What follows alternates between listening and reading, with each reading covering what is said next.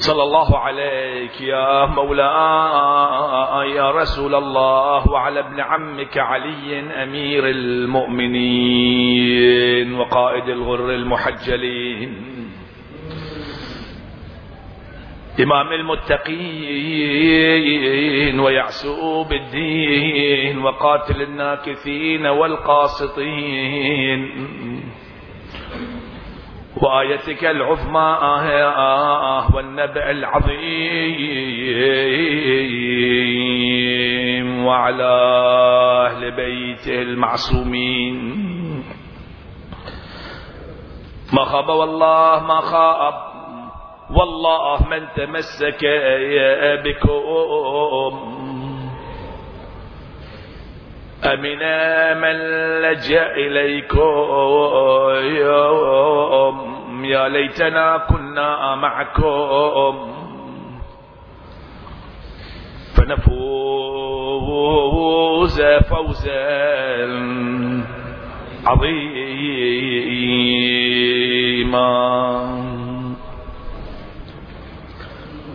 سهرت والدمع من عينيك ينهمر.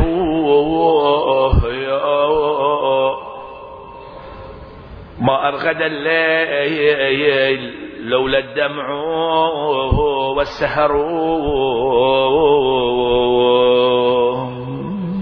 عظم الله أجوركم فإنها يا, يا آخر الساعات من عمرين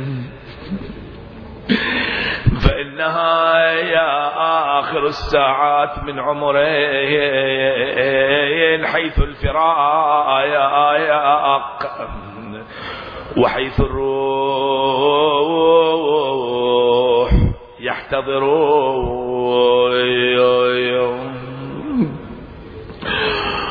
وحيث توديع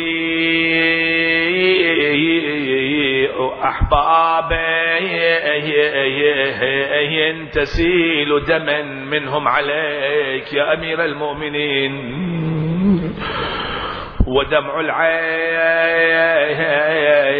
ينهمر. سيقتل الخير والإيمان في سحرين. لكان بالدهر يوما ذلك.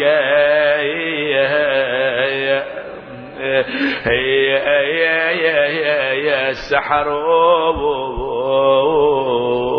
أجركم الله. من لليتامى يا ومن للناس كلهم والمعضلات كجنح الليل. تعتكر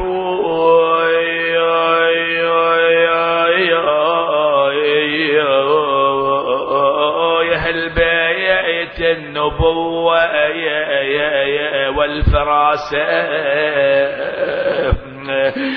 يهل بيت النبوة والفراسة يا أهل بيت الشرف وأهل الرئاسة ترى حيدر وقع مفلو. يا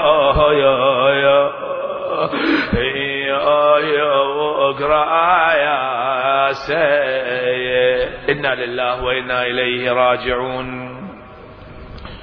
وسيعلم الذين ظلموا أي منقلب ينقلبون والعاقبة للمتقين. قال تعالى في محكم كتابه ومبرم خطابه أعوذ بالله من الشيطان الرجيم. ولما جاء موسى لميقاتنا وكلمه ربه قال رب أرني أنظر إليك. قال لن تراني ولكن انظر إلى الجبل فإن استقر مكانه فسوف تراني. فلما تجلى ربه للجبل جعله دكا وخر موسى صعقا فلما أفاق قال سبحانك تبت إليك وأنا أول المؤمنين. ليلة عظيمة تتعلق بمولى الموحدين وإمام المتقين أمير المؤمنين صلوات الله وسلامه عليه. ندعو الله أن يوفقنا في مثل هذه الليلة لنزوره في النجف الأشرف ثم في سحر هذه الليلة ننتقل إلى الكوفة ونحن جالسون إلى جنب محرابه المحراب الذي قتل فيه. هناك نبكي على مصيبته بحق الصلاة على محمد وآل محمد.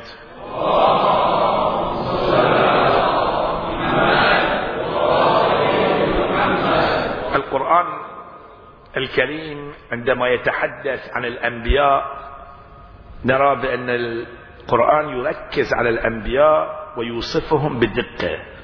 يعني لا يذكر الأنبياء بصورة واحدة وكلمة واحدة لا. شوف بأن القرآن هو يقول تلك الرسل فضلنا بعضهم على بعض.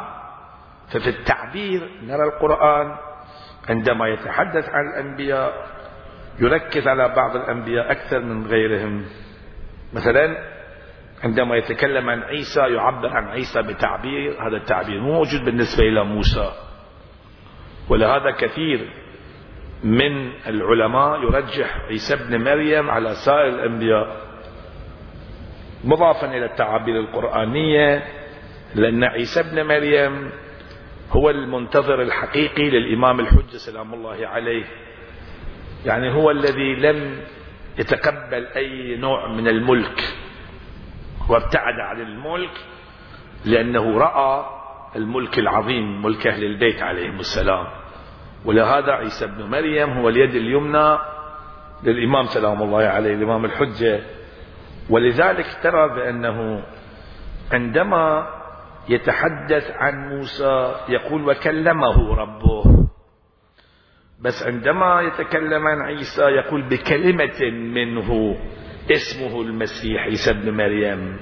بكلمة منه. يعني عيسى هو في حد نفسه صار كلمة. ولكن موسى هو كليم.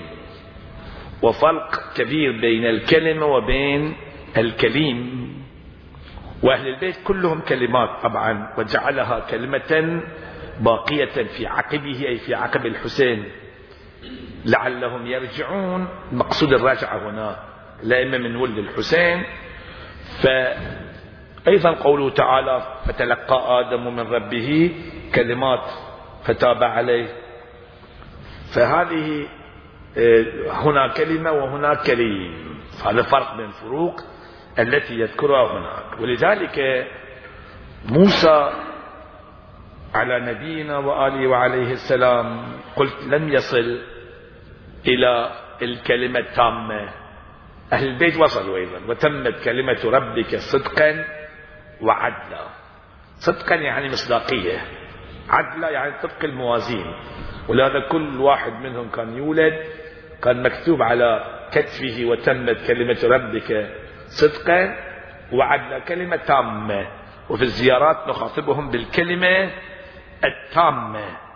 الكلمة التامة هم محمد وآل محمد.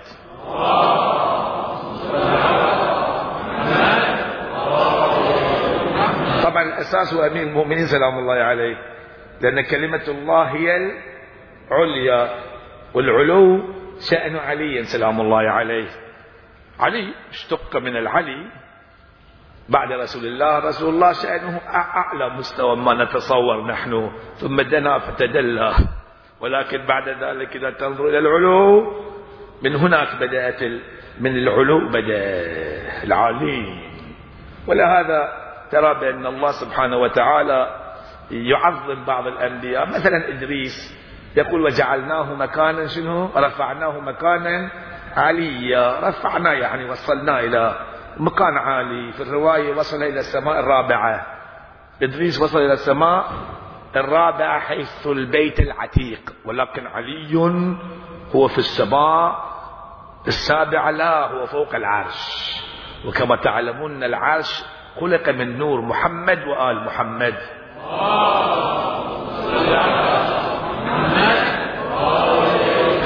أنا البيت المعمور. والزهراء تقول وأنا السقف مرفوع. والروايات في هذا المجال لطيفة ولها تفاصيل دقيقة لا أريد أن أدخل فيها الآن. المهم موسى على نبينا وآله وعليه السلام يقول عنه سبحانه وتعالى نعم يعني يعبر عن تجلي هنا. فلما تجلى ربه للجبل تجلي بعض الناس من يسمع كلمة تجلي يقول هاي تجلي من وين جايبين هالكلمة؟ كأنه ما يقرأ القرآن. أو ملكوت. هاي كلمة ملكوت. العرفاء قايلين ملكوت ملكوت قرآن موجود ملكوت. فسبحان الذي بيده ملكوت كل شيء. منزعج من هالكلمة. لأنه ما يفهم معنى. التجلي مقام عظيم جدا. الله سبحانه وتعالى يقول ولما جاء موسى لميقاتنا وكلمه ربه قال ربي أرني أرني. شوف شلون أرني أنظر إليك. أنا أنا. زين لو كان موسى ينوي من هذا الكلام أن يرى الله بعينيه ما يصير. بني إسرائيل قالوا جهرة فأخذتهم الصاعقة. فأخذتكم الصاعقة وأنتم تنظرون. بالعكس ما يفهمون. أما موسى حاشا أن موسى يريد ينظر إلى الله بعينه. لا لا مو قصد هذا. موسى كان بصدد ليش غيرت الصوت؟ الصوت شوف موسى كان بصدد إيه، خلاص كان تعدل شلون موسى كان بصدد النظر إلى الله. شلون يعني ينظر إلى الله؟ تفضل أنت عين قول. ربي أرني أنظر إليك. الله إيش يقول؟ لن تراني. ما قال لم أرى. لو كان قصده ينظر إليك جس يعني بالعين شو الكلام يا موسى؟ لن أرى ما قال لن أرى قال لن تراني. ليش قال هذا الكلام؟ يعني في واحد يشوف الله. هاي معنى هذا؟ أنت ما تشوفني. أنت يا موسى ما تشوفني. حتى بال بالرؤية لتنبيه أنت يعني رؤية قلبية تصل إليه ما توصل. فشنو كان يرغب موسى؟ موسى عظيم. موسى كريم الله شنو كان يرغب؟ الروايات تقول لأنه كان يعرف هناك شخص رأى الله بقلبه كما ورد في رواية أمير المؤمنين يا أخ رسول الله هل رأيت ربك؟ قال وكيف أعبد؟ من لم أره. شلون أعبد؟ ما ما أشوفه. شلون أعبد؟ لم اراه شلون شفته؟ قال لم تره العيون بمشاهدة العيان ولكن رأته القلوب بحقائق الإيمان. فعلي رأى الله مو بعينه بل وصل إليه. وموسى كان يتمنى هذا المقام فكأن الله يقول له يا موسى اعتذر. هذا هذا الشيء. كنت توصل نفسك إلى مقام علي حتى تنظر إليه. هذا على دل على شيء يدل على أن عليا مقامه أعظم من موسى الذي هو من الأنبياء أولي العزم وذلك لأنه اشتق من العلي الأعلى. صل على محمد وآل محمد لطيفة الخطب في هذا المجال. ولكن أود أن أشير إلى نقطة. كيف أعبد لم أعبد ربا لم أره؟ يمكن بعض الناس يقول شلون ترى الله؟ شو عقيدة الشيعة؟ عقيدة صافية. مو كل واحد يفكر هذا التفكير. تفكير الأئمة عليهم السلام. الجماعة متورطين في الرؤيات حقيقة متورطين. وتشوف في كتبهم تتحير لأن ما أخذوا الكلام من أهل البيت. القرآن يقول وجوه مو عيون مو عيون وجوه. الوجه مو مقصود الوجه هذا. وجه الوجيه والوجه يعني وجود الإنسان. ما تقول واجهة الإنسان وجود الإنسان وجوه مقصود هذا. مو إحنا دائما تعابيرنا نفس التعابير نستعملها نطبقها على القرآن. وجوه مو عيون يعني يقول وجهك طالعني يعني شنو؟ يقول عينك مو مو الوجه وجوه في القرآن المقصود الوجوه الوجه. يعني وجود الإنسان يعني واجهة الإنسان يعني روح الإنسان يعني حقيقة الإنسان عبر ما الشيء وجوه يومئذ ناظرة. والدليل إن العين ما فيه نظرة. نظرة النعيم مو في العين. نظرة النعيم. نعم في الوجه في الروح. كما في تلك الآية يقول سبحانه وتعالى نعم في يسقون من رهيق مختوم ختامه مسك. قبل شنو؟ نظرة النعيم. إن النظرة يعني حالة لطيفة موجودة في وجود الإنسان. هذا الوجود وجوه يومئذ ناظرة يعني فرحة مستبشرة. شو طالع؟ طلع الله؟ لا ما طلع الله. إلى ردها طلع ربوبية الله. إلى ربها. ربها طبعا لأن أكو توجه خاص إلى هذا الشخص. مو إلى الرب ربها. في دعاء جوشن تقول يا رب البراري والصحار يا رب البحار والأنهار. تقول رب الناس ربها يعني ربه ما تقول رب الحسين. يا رب الحسين اشفي صدر الحسين؟ إلى ربها لأن الرب طلب هذا الإنسان. ناظرة تشوف الرب تصل إلى الرب. هذه الآية المباركة تشير إلى أهل البيت عليهم السلام. وتشير إلى رسول الله. لأن هناك آية تقول ما كذب الفؤاد ما رأى شو التعبير؟ ما كذب الفؤاد. فؤاد تقول العين؟ حتى يوم القيامة. يقول لك يرى الله يرى يوم القيامة. بعد يقول لي يقول لي إحنا مشركين. إذا هذا عقيدة باطلة. يعني الله جسم يعني ممكن وجود يعني فقير يعني محتاج. تشوفه بالعين؟ شو المنطق واللطيف أنه بكل وقاحة يذكرون في الإنترنت الآن على نعم تكلم إذا ما فهموا لا ما عاشوا أهل البيت عليهم السلام. ما كذب الفؤاد ما رأى. شلون تقول إنه يرى بالعين؟ والله يقول لا تدركه الأبصار وهو يدرك الأبصار. ليش تدرك الأبصار؟ وهو اللطيف ليش هو يدرك؟ الخبير. لا إيش قد لطيفه يسمون اللف والنشر مرتب. لا تدركه الأبصار لأنه لطيف. وهو يدرك الأبصار لأنه شنو؟ خبير. لا تدركه الأبصار وهو يدرك الأبصار وهو اللطيف الخبير. لطيف دليل على أنه لا تدركه الأبصار. خبير دليل على أنه يدرك الأبصار. تأمل وفكر شوف هاي الآية عظيمة جدا في معرفة الله سبحانه وتعالى فاذا مقام علي مقام عظيم. المشكلة وين؟ إخواني المشكلة يذكرها السيد الإمام رضوان الله تعالى عليه. يقول بأنه موسى يعني موسى شنو مشكلته؟ يقول ما كان يطيق للتجلي. يقول رأس ثعبان رأى العصا والثعبان وخاف. نعم وإلى آخره. يعني حركات عجيبة لموسى.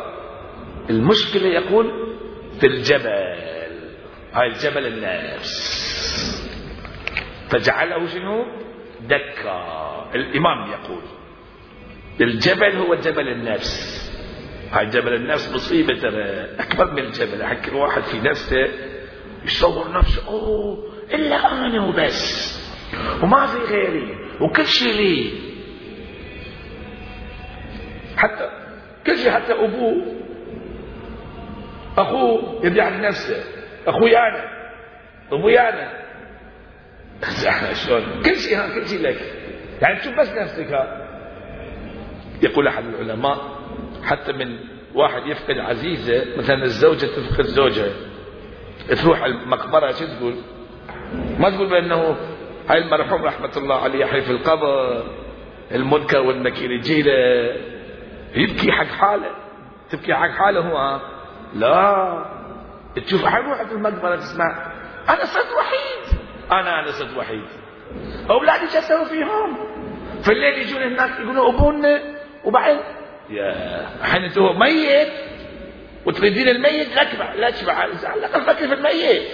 هاي الإنسان هاي جبل النفس.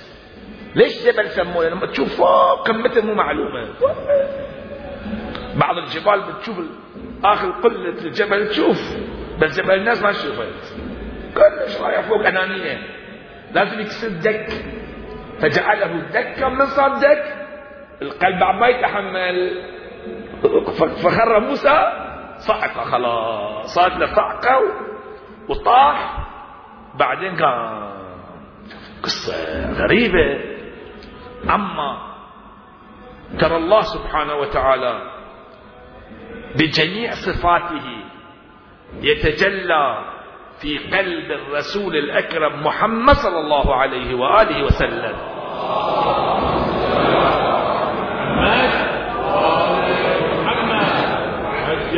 عجيبة الآية. نزل به الروح الأمين على قلبك مثل هذه الليلة. أكو مناسبة بين ليلة القدر وبين علي سلام الله عليه. الليلة نزلت فيها القرآن على قلب الرسول وقلب الرسول هو قلب علي. فهذا دل على شيء يدل على أن الليلة هذه فيها أرضية خصبة لنزول التجليات الإلهية من القضاء والقدر. ولهذا في الدعاء نقول نركز على القضاء ونركز على شنو؟ القدر من الأمر العظيم في ليلة القدر من القضاء الذي لا يرد ولا يبدل. ليش؟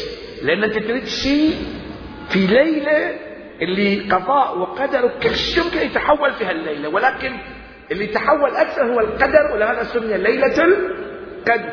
وفي مناسبة لأمير المؤمنين سبحان الله. ليلة 19 و20 و21 لها علاقة بأمير المؤمنين. مثل ما يقولون قلبا وقالبا يعني ظاهرا وباطنا. فإذا القضية مهمة جدا. إخواني راجعت دعاء السمات هناك يقول وبنور وجهك الذي تجليت به للجبل. فجعلته دكا وخر موسى صعقا وبمجدك الذي ظهر على طور سيناء إلى آخره يبين بأن هناك تجليات هناك صفات إلهية تجلت على هذه الأرض وتلك الأرض على الأراضي تجلت. فكيف بالأراضي النفسية؟ يعني النفس لابد أن تتجلى ولكن اللي طلب موسى مو تجلي صفة من الصفات لا ربي أرني أنظر إليك. يعني تجلي كامل. ما يصير هذا الشيء. التجلي الكامل لرسول الله صلى الله عليه وآله وسلم. على هذا الأساس نستطيع أن نعرف مقام أمير المؤمنين سلام الله عليه. علي هو نفس رسول الله. وأنفسنا وأنفسكم. وكل شيء أحصيناه في إمام مبين. ولا رطب ولا يابس إلا في كتاب مبين. علي مظهر التجليات الإلهية. هذا التعبير أحسن تعبير في شخصية علي. مظهر للتجليات الإلهية والصفات الربانية والاسم أعظم كما ورد في الأحاديث. والآية الكبرى نقول وآيتك الكبرى والنبأ العظيم. هذا هو أمير المؤمنين. سلام الله عليه. وهو كلمة الله. ولهذا سمي علي من العلو. علي مشتق من العلي. وهو رأس العالي. رأس العالي.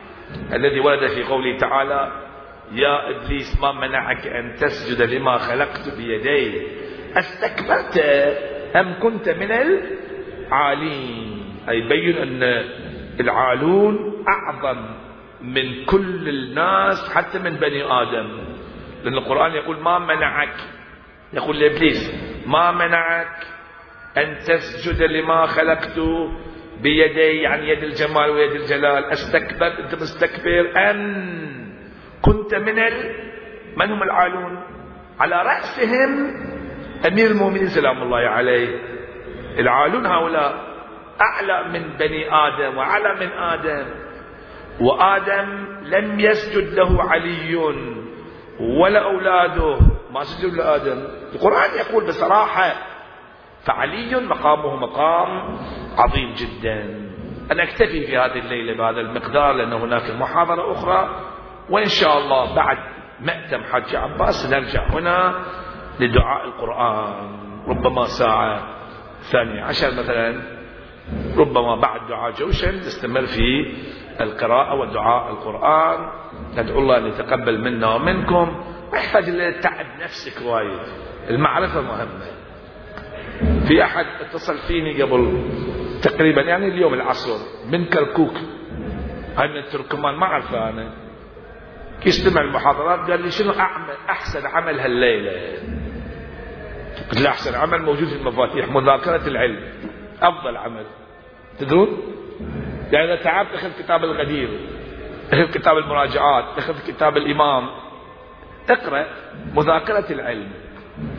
والأدعية أيضا من باب المذاكرة. اقرأها تفهم معناها بس تقرأ بسرعة. سبحانك لا إله إلا أنت. بس بس. فكر قليل. أنا أعتقد أنه واحد يقسم دعاء الجوشن شوف دعاء الجوشن جدا مهم. فأحسن عمل في هذه الليلة مذاكرة العلم. رحمة الله على آية الله العظمى السيد السبزواري المجاهد. هو كان يقول لنا سألنا نفس السؤال قال في الليل اقرأوا رواية أهل البيت ليلة القدر إذا تعبت اقرأ رواية أهل البيت اقرأ الكافي افتح كتاب. إذا تعبت ولا أي هم أدية؟ بس مو تضغط على نفسك أو واحد يضغط على ابن. إلا تقرأ هالأشياء ما في أقرأ أنا فقط نص دعاء جوشن. قسم من دعاء أبو حمزة بس. أطالع لي كتاب. أسمع محاضرة. نعم. من أفضل الأعمال في هذه الليلة. ليلة عظيمة ليلة استشهاد أمير المؤمنين. سلام الله عليه والمصيبة مصيبة عظمى. سأذكرها إن شاء الله بعد رجوعي بالتفصيل ولكن اليوم كنت أشوف رواية حقيقة هذه الرواية حيرتني. مو ناقلها إنسان عادي ناقلها العلماء العلماء الكبار في صفحته موقعة في الإنترنت. راجعت الرواية ثم تأثرت كثير. بس ما حسيت أنا شنو القصة. ما تشوف إلا في في المنام أنا أنا في المنام أبكي. العصر اليوم كل مرة واحد شوف بالفعل أبكي. تأثرت كثير على هذه المسألة. كنت أتصور هالحالة. الحالة شنو هي؟ الحالة أذكرها إن شاء الله. ضمن المصيبة ترتبط بزينب سلام الله عليها. لأن عليا كان في مثل هذه الليلة في بيت زينب وهي أم كلثوم. وماذا أكل علي في هذه الليلة؟ كيف أفطر أمير المؤمنين؟ سحور ما أكل شيء ولا ولكن خبز. تدرون بعد خبز وماء وملح فقط وفقط. هذا طعام أمير المؤمنين سلام الله عليه حتى الحليب اللبن أرجعه. ولكن كان ينظر إلى السماء ينظر يمينا وشمالا وينظر إلى السماء ويقلب. نعم طرفه وهو يفكر لأن رسول الله أخبره في هذه الليلة. كان في هذه الحالة وهو بين نعم مسجد وبين بيت أم كلثوم وراء المسجد. الآن الطريق من, من أي جهة لا أدري ولكن على أي حال خرج من البيت. عندما خرج فإذا بالأوز التي كانت هناك التي كانت تتعلق بالحسن والحسين كانت تصيح تصيح وتصيح وتتحرك وتفتح جناحها فإذا بعلي يقول صوائح يتبعها نوائح ثم كأن علي سلام الله عليه هناك شيء يقول له لا تذهب يمنعه من الذهاب. ولذلك قد انفتح حزامه كما في الروايات فقال اشدد حيازينك للموت. فإن الموت لاقيك ولا تجزع من الموت إذا حل بفانيك بناديك. كما أضحكك الدهر كذاك الدهر يبكيك. ذهب إلى المسجد وبدأ بالأذان. الله أكبر الله أكبر. نريد في هذه الليلة أن نواسي الصديقة الزهراء سلام الله عليها. الزهراء لم تكن في تلك اللحظة. ولكن كانت زينب زينب الصغيرة موجودة مع أمير المؤمنين سلام الله عليه الزهراء لم تكن. زينب عاشت مع الزهراء وعاشت وعاشت إلى هذا اليوم وهي رأت كل المصائب. فعلي عندما ذهب أذن ذلك الأذان الذي انتشر في الكوفة والناس كلهم سمعوا الأذان. أشهد أن لا إله إلا الله أشهد أن محمدا رسول الله. وهكذا كان يؤذن إلى أن استيقظ الناس وجاءوا إلى المسجد. هو أيقظهم. بعد ذلك النائمون في المسجد أيقظهم. واحد واحد منهم وكان يقول لا تنم على بطنك نم على ظهرك. وهكذا كان ينصحهم. هذا دأب أمير المؤمنين إلى أن وصل إلى ابن ملجم وقد وضع سيفه تحته وهو نائم عليه على بطنه. قال لا تنم على بطنك فإنها نومة الشياطين. كان يعلم القصة ما هي. وبالفعل عندما ذهب علي في المحراب وهو كان يصلي كأن به وقد رفع رأسه من السجدة الثانية في الركعة الأولى. فإذا باللعين الذي كان قد كمن وراء أسطوانة هجم عليه بسيفه فضربه بالسيف على رأسه. أيوا عليا رحم الله من نادى بأعلى صوته. وعليا وإماما يا سقط علي على وجهه. ولم يكمل صلاته. لا أدري كيف كانت حالة الحسن والحسين عليهم السلام. ولكن هناك نادى كلمة واحدة. وقال فزت ورب الكعبة. فإذا بجبريل قد رفع صوته تهدمت والله أركان الهدى. قتل ابن عم المصطفى قتله اشقى الاشقي اليوم اليوم أركان الهدى قد هدمت. اليوم شمل المسلمين رفع صوتك. موزع عظم الله أجوركم. اليوم يا صاحب الام يا صاحب الزمان نعزيك بهذه المصيبة الجلل اليوم قد قتل ابن عم المصطفى. اليوم قد قتل الوصي يا يا يا. يا الانزع يا يا. هنا المصيبة العظمى كما قلت. رأيت في الرواية عندما خرج ابن ملجم هاي الرواية اللي رأيتها في هذا اليوم. خرج ابن ملجم وكان حاملا سيفه فإذا الدم يتقاطر من السيف وهو خارج من المسجد نظرت إليه زينب سلام الله عليها. قالت ماذا فعلت؟ لعلك قتلت أمير المؤمنين؟ قال نعم قتلت أباك. قال أرجو له الشفاء. ضربت أباك قال قالت أرجو له الشفاء. قال ابن ملجم لزينب لا. إن هذا هذا السيف كان مسموما. وتأكدي واطمئني بأن عليا سوف يموت. جراء هذه الضربة. أيوا عليا. فصرخت زينب هنا. يا صدتنا تنادت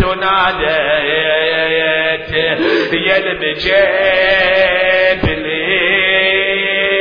المجابلين آه.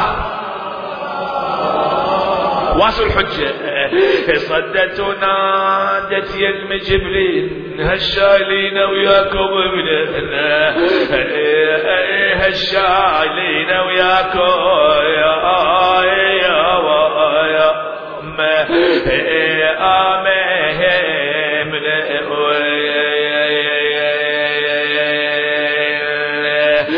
اسمع هضل والسياح صوبين خوف جد العودي يا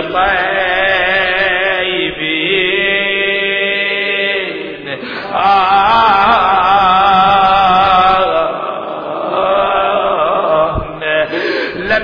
لما سمع الحسن وحسين نادوا يا زينب كثر لوننا يا أبوك انصبر والرأي يا اسناز جرأيك ودكان دل شکست. شده. بچه های یتیم دارن گریه می‌کنن. چه خبره؟